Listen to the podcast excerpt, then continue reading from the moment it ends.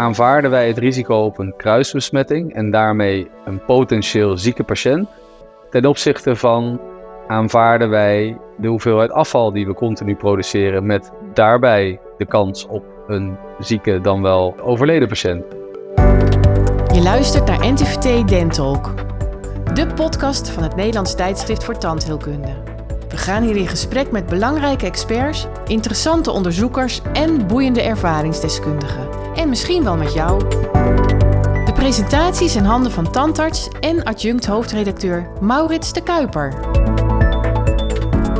Bij een duurzame restauratie denken we vooral aan een werkstuk wat jarenlang in de mond aanwezig blijft.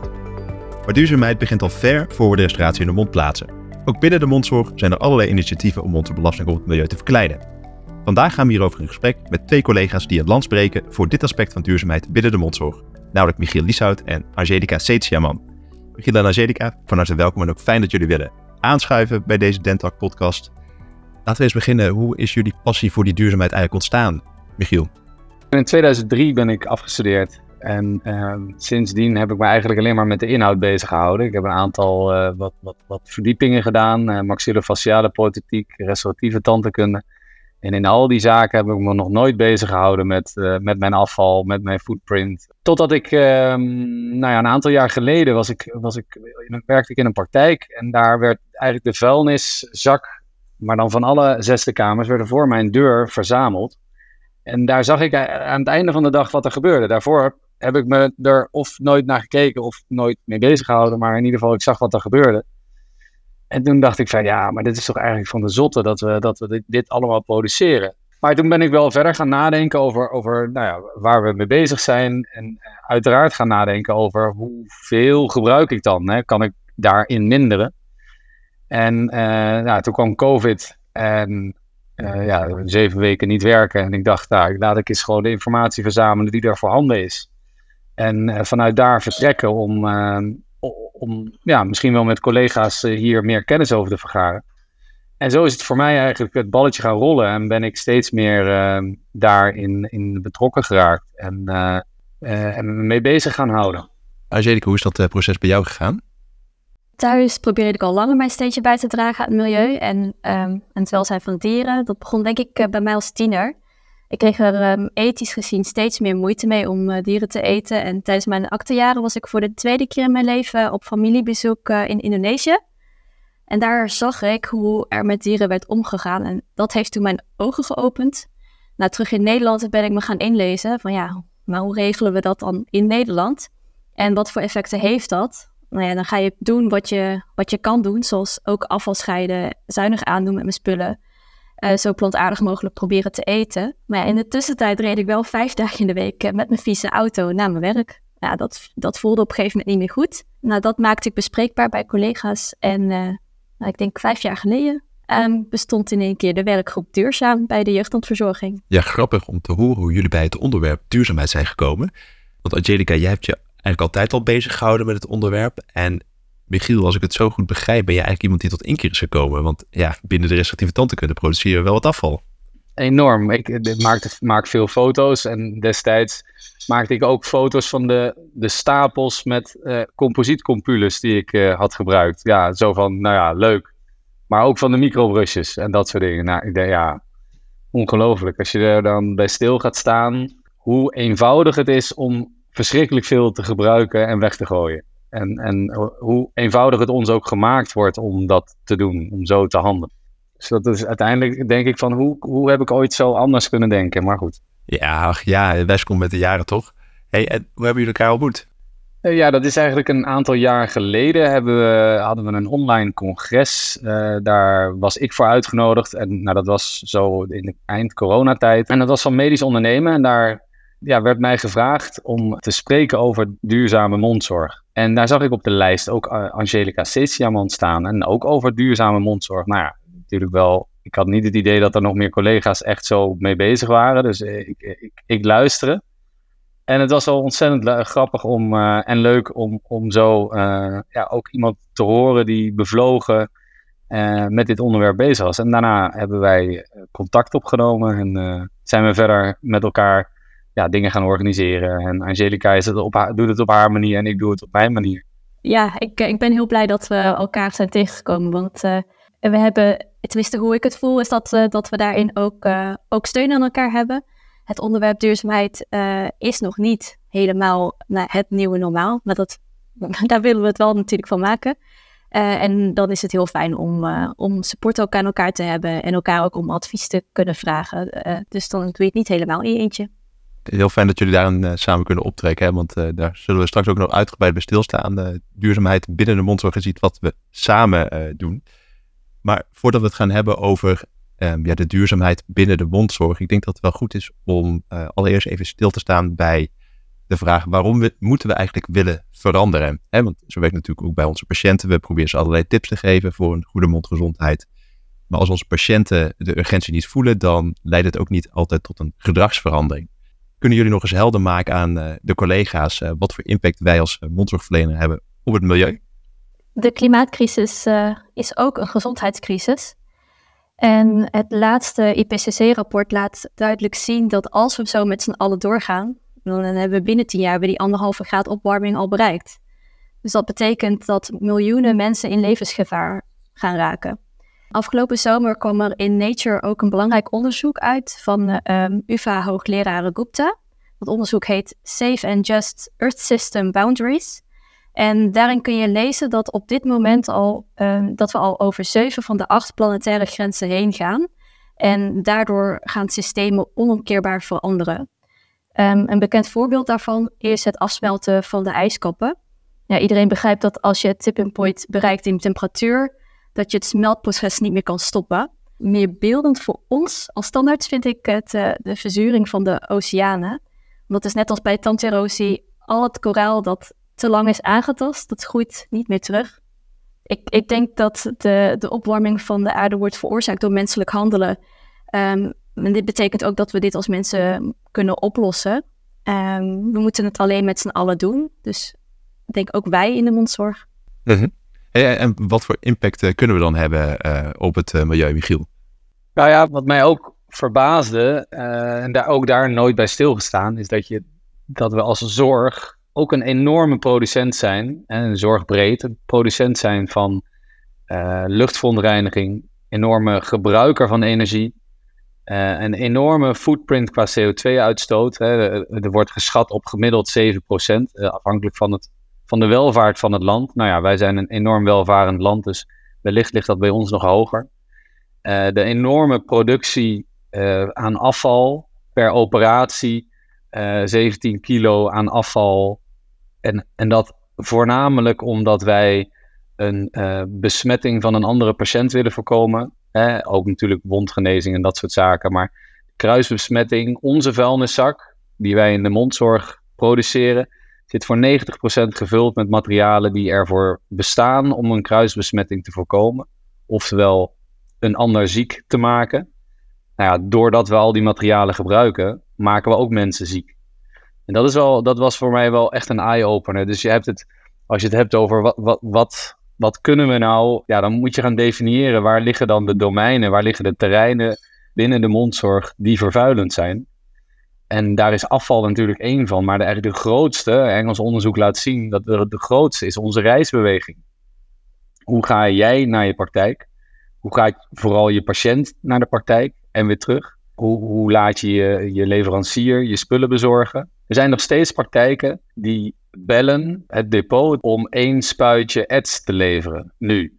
En daarbij niet nadenken van wat heeft dat dan voor consequenties voor uh, niet alleen de bedrijfsvoering, hè, want zo'n depot zit er ook niet op te wachten dat ze dat nu moeten doen. Maar uh, wat, wat, uh, wat heeft dat voor consequentie qua, qua uitstoot? Ook wij zitten in een transitie en het gaat echt niet snel helaas. Maar de, de bewustwording bij veel collega's moet echt nog op gang komen.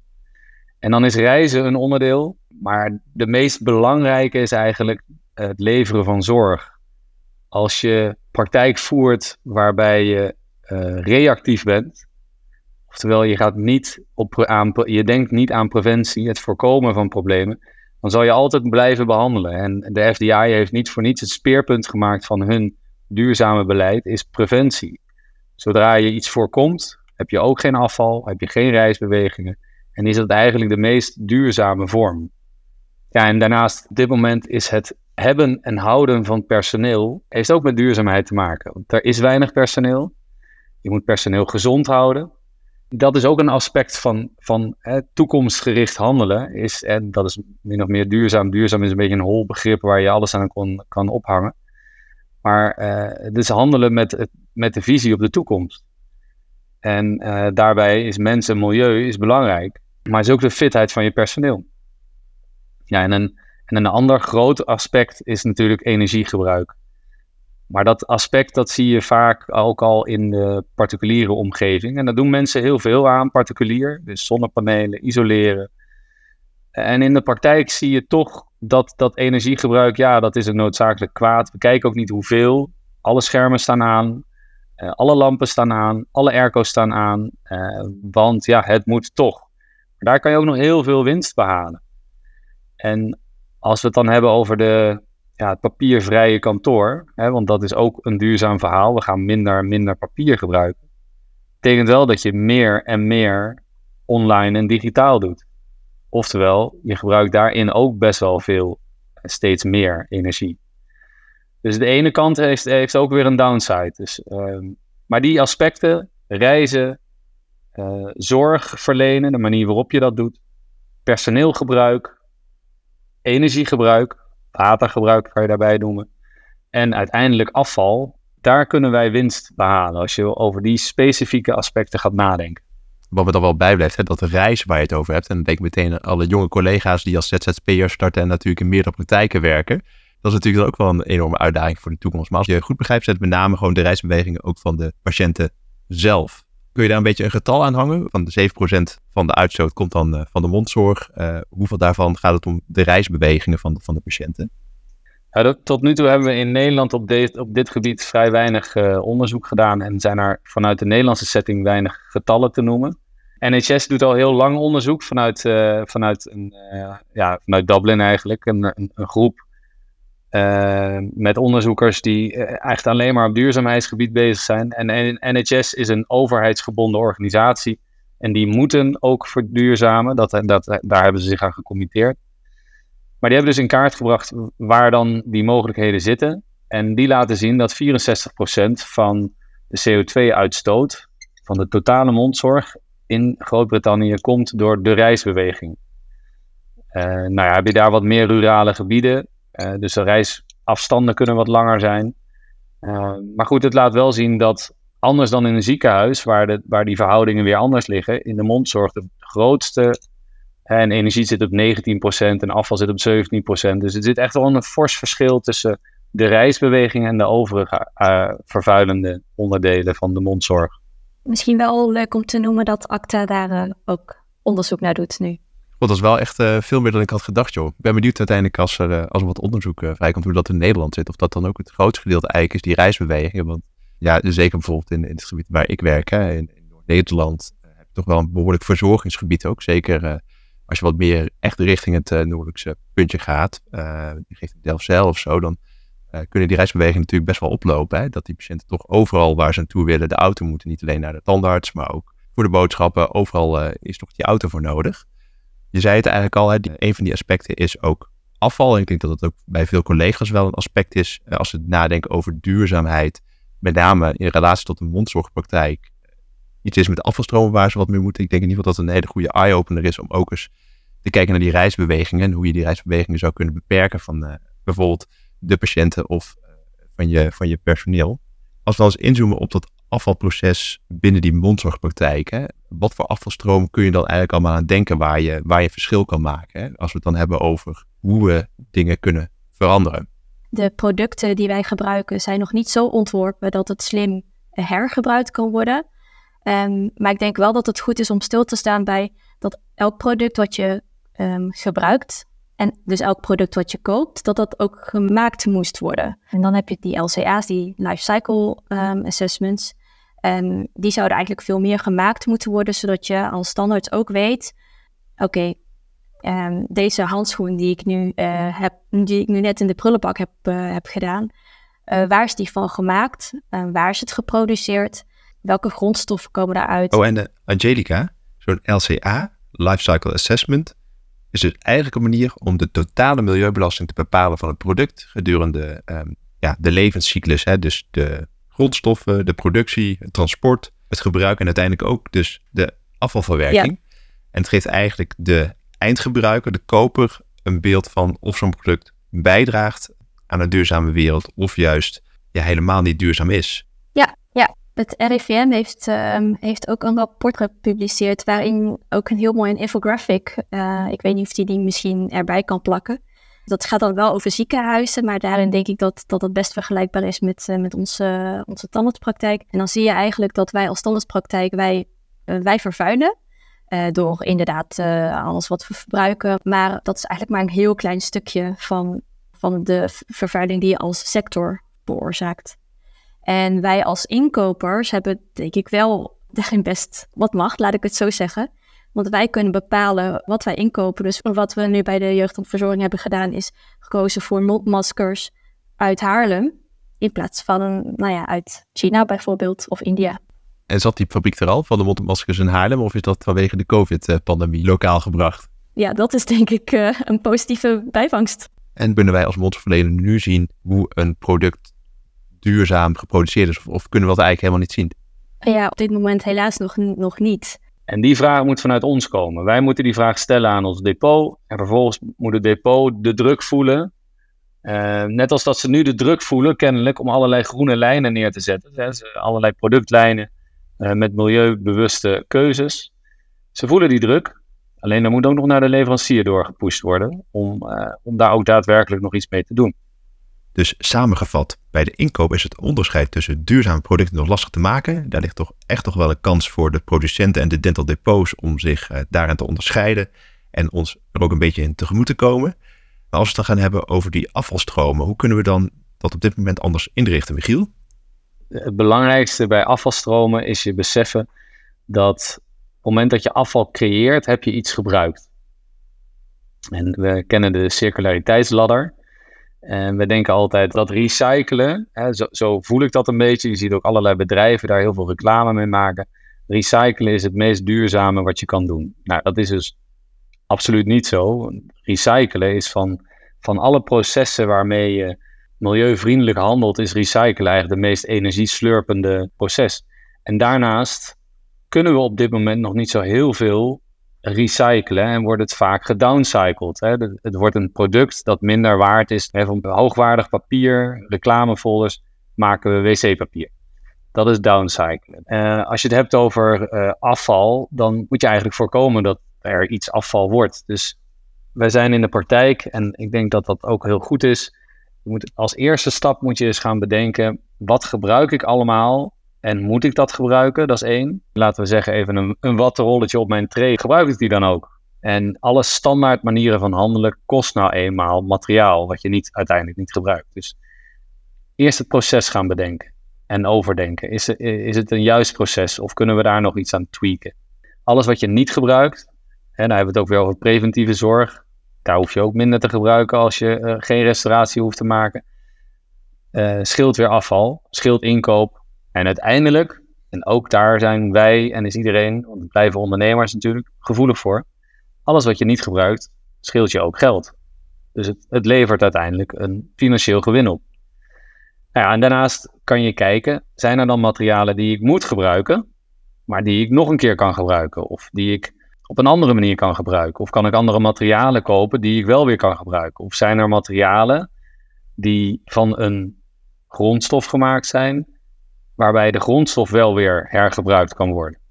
Dus dan kom je uiteindelijk, uiteindelijk kom je ergens onderaan in het recycleproces. En dan is het goed om je af te vragen, wie is mijn afvalverwerker? Bij ons in de praktijk was er een afvalverwerker toen ik aankwam in de praktijk uh, een paar jaar geleden. En die had heel duidelijk op zijn overeenkomst staan, wij verbranden alles. Nou ja, dan ben je gewoon heel eerlijk. En het is bedrijfsafval. Hè, we moeten een goed onderscheid, dat is ook niet heel algemeen bekend. In de mondzorg leveren we bedrijfsafval en eigenlijk is het zo dat bedrijfsafval altijd verbrand wordt. Particulier afval, dat kan je gescheiden aanleveren of dat wordt nagescheiden in een, in een fabriek. Dat is iets, zijn twee totaal verschillende dingen. Particulier afval, daar betaal je de gemeente een belasting voor.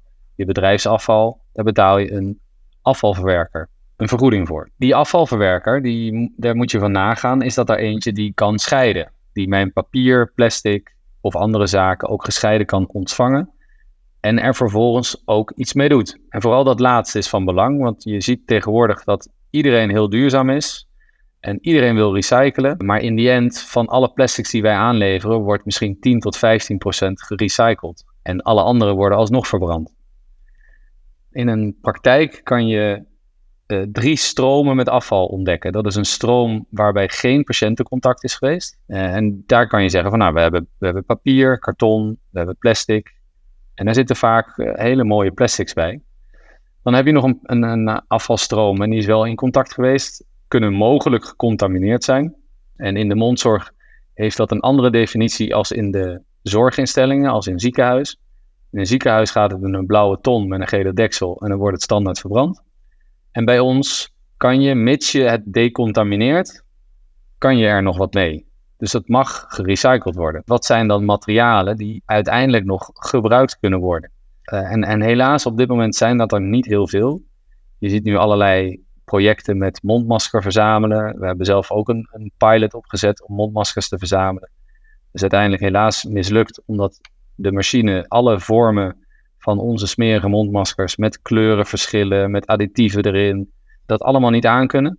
Dus het recyclen van materialen uit de mondzorg is op dit moment nog steeds, staat echt in de kinderschoenen. Het gaat komen, zeker, want er is, hè, dat noem je hospital mining. Er zijn heel veel bedrijven mee bezig, want dat is gewoon een soort van ruwe diamant die, die absoluut nog geslepen moet worden. Het levert heel veel geld op straks. Maar op dit moment kunnen we nog niet zo heel veel. En het, het, grappige is dat ik tegenwoordig uh, handschoenen gebruik. Die, uh, daar loopt nu ook een pilot uh, mee. maar dat, die noemen dat van econitriel. nitriel is een, een materiaal wat, waarvan onze handschoenen nu gemaakt worden, wat totaal niet te hergebruiken is. Het is een goor materiaal. Het is hartstikke moeilijk en duur om te verwerken. Nou, als het duur is, is het niet rendabel, dus het gebeurt ook niet. Ze worden verbrand. Uh, maar dit materiaal, dat is in productie, is het al uh, zuiniger, CO2-uitstoot minder. En uh, vervolgens zou je, als je de lijn goed doortrekt en er zou genoeg massa zijn, zou je het materiaal ook weer her kunnen gebruiken. Dus er, je ziet nu ook in de zorg ontwikkelingen die het mogelijk maken om een lagere footprint te hebben. Uh, en, en vriendelijker te zijn, uh, minder grondstoffen te gebruiken en de mogelijkheid te creëren waarbij je ook weer aan recycling kan denken. We zien in onze praktijk zien we vooral die volle zak met afval aan het eind van de werkdag. Maar ik denk dat we ons ook bij stil moeten staan dat, um, dat er ook heel veel onzichtbaar is voor ons. Um, en, en dat, dat dat ook moeilijk maakt om bewust die keuzes te maken. Um, wat we bij de jeugdlandverzorging uh, vooral hebben gedaan, is gekeken naar wat hebben we uh, nodig en wat hebben we niet nodig. Dus bijvoorbeeld um, een patiëntenservet of een, um, of een hoofdsteunzakje. Heb je dat nou echt bij elke patiënt nodig? Of kan je dat ook, um, ook weglaten? kan je bijvoorbeeld ook spoelen met de meerfunctiespuit en de afzuiger die je toch al gebruikt? Of moet je daar per se een bekertje voor gebruiken? En, en ja, dat is, dat is denk ik wel, als, je, als je iets wil doen, dan, uh, dan is dat iets wat je eigenlijk, uh, nou ja, bij wijze van spreken vanavond al zou kunnen doen. Door bijvoorbeeld te kijken naar van, hé, hey, heb ik nog papieren, reclamefolders? Nou, zegt, zegt die dan gewoon lekker op. Um, dus afval verminderen. En afval verminderen, is dat toch een uitdaging als ik jullie zo hoor? Vooral ook het aspect als het gaat om hygiëne, waarbij veel collega's denk ik toch bang zijn voor de gevolgen voor de praktijk wanneer de inspectie langskomt. En ja, dan ga je misschien toch liever wat aan de strikte kant zitten, zoals ja, toch um, veel disposables gebruiken.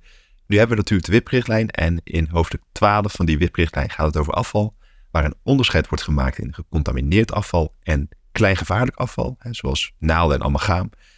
Maar het hele begrip duurzaamheid kom ik je niet in tegen. Is dat nou iets wat in de toekomst wellicht ook wordt meegenomen, um, als we het dan hebben over zinnige mondzorg. En dan ook zinnige mondzorg in de vorm dat het niet alleen zinnig is voor ons en de patiënt, maar ook voor de planeet. In de huidige WIP-richtlijn is duurzaamheid uh, nog niet opgenomen. Maar deze versie is alweer meer dan tien jaar oud. Um, dus ik verwacht eigenlijk dat deze binnenkort nog wel wordt herzien en dat duurzaamheid daarin dan ook onder de aandacht wordt uh, gebracht. En misschien wel hoopgevend is dat er ook een Green Team infectiepreventie NL zich inzet om uh, duurzaam werken mogelijk te maken. Uh, en die werkgroep die moedigt het gebruik van reusables ook aan in de plaats van uh, disposables. Kijk, kwaliteit is natuurlijk heel belangrijk in de zorg. Je wil gewoon goede behandeling leveren. En hygiëne is daarin ook belangrijk. Ik ben geen hygiëne-expert, maar ik denk wel dat we met z'n allen zo gefocust zijn op die hygiëne dat je een soort van tunnelvisie creëert, waardoor je eigenlijk al het andere niet ziet. En wat ik hoop is dat, nou, dat we over vijf jaar, of misschien al over twee jaar, dat we die tunnelvisie, dat we dat kunnen loslaten, waardoor we ons blik wat kunnen verbreden en kunnen zien van, joh, wat, wat betekent dat nou eigenlijk, onze manier van werken. Mhm. Dus eigenlijk moeten die uh, oogkleppen af en we moeten iets breder gaan kijken naar hoe wij zorg leveren. Michiel, wil jij hier nog wat over zeggen? Ik denk dat het tweeledig is. Ik denk dat het uh, de manier van uh, materiaalgebruik, dus draag je een mondmasker voor elke nieuwe patiënt, ga je overal sleeves omheen doen. Al die beschermingsmechanismen, heb je die echt nodig? Ik vind het lastig, want in die end moet je natuurlijk ook de vraag stellen, aanvaarden wij het risico op een kruisbesmetting en daarmee een potentieel zieke patiënt ten opzichte van aanvaarden wij de hoeveelheid afval die we continu produceren met daarbij de kans op een zieke dan wel overleden patiënt. Bij wie leg je het risico? En uiteindelijk vinden wij dat fijn op basis van cijfers te doen, uh, want hoe kunnen we daar anders over oordelen? Maar ik denk dat dat de hoofdvraag wordt. Uh, aanvaarden wij nog langer dat er mensen sterven doordat wij zo verschrikkelijk veel afval produceren? Of kan het voorkomen dat er iemand ziek wordt vanuit onze praktijk?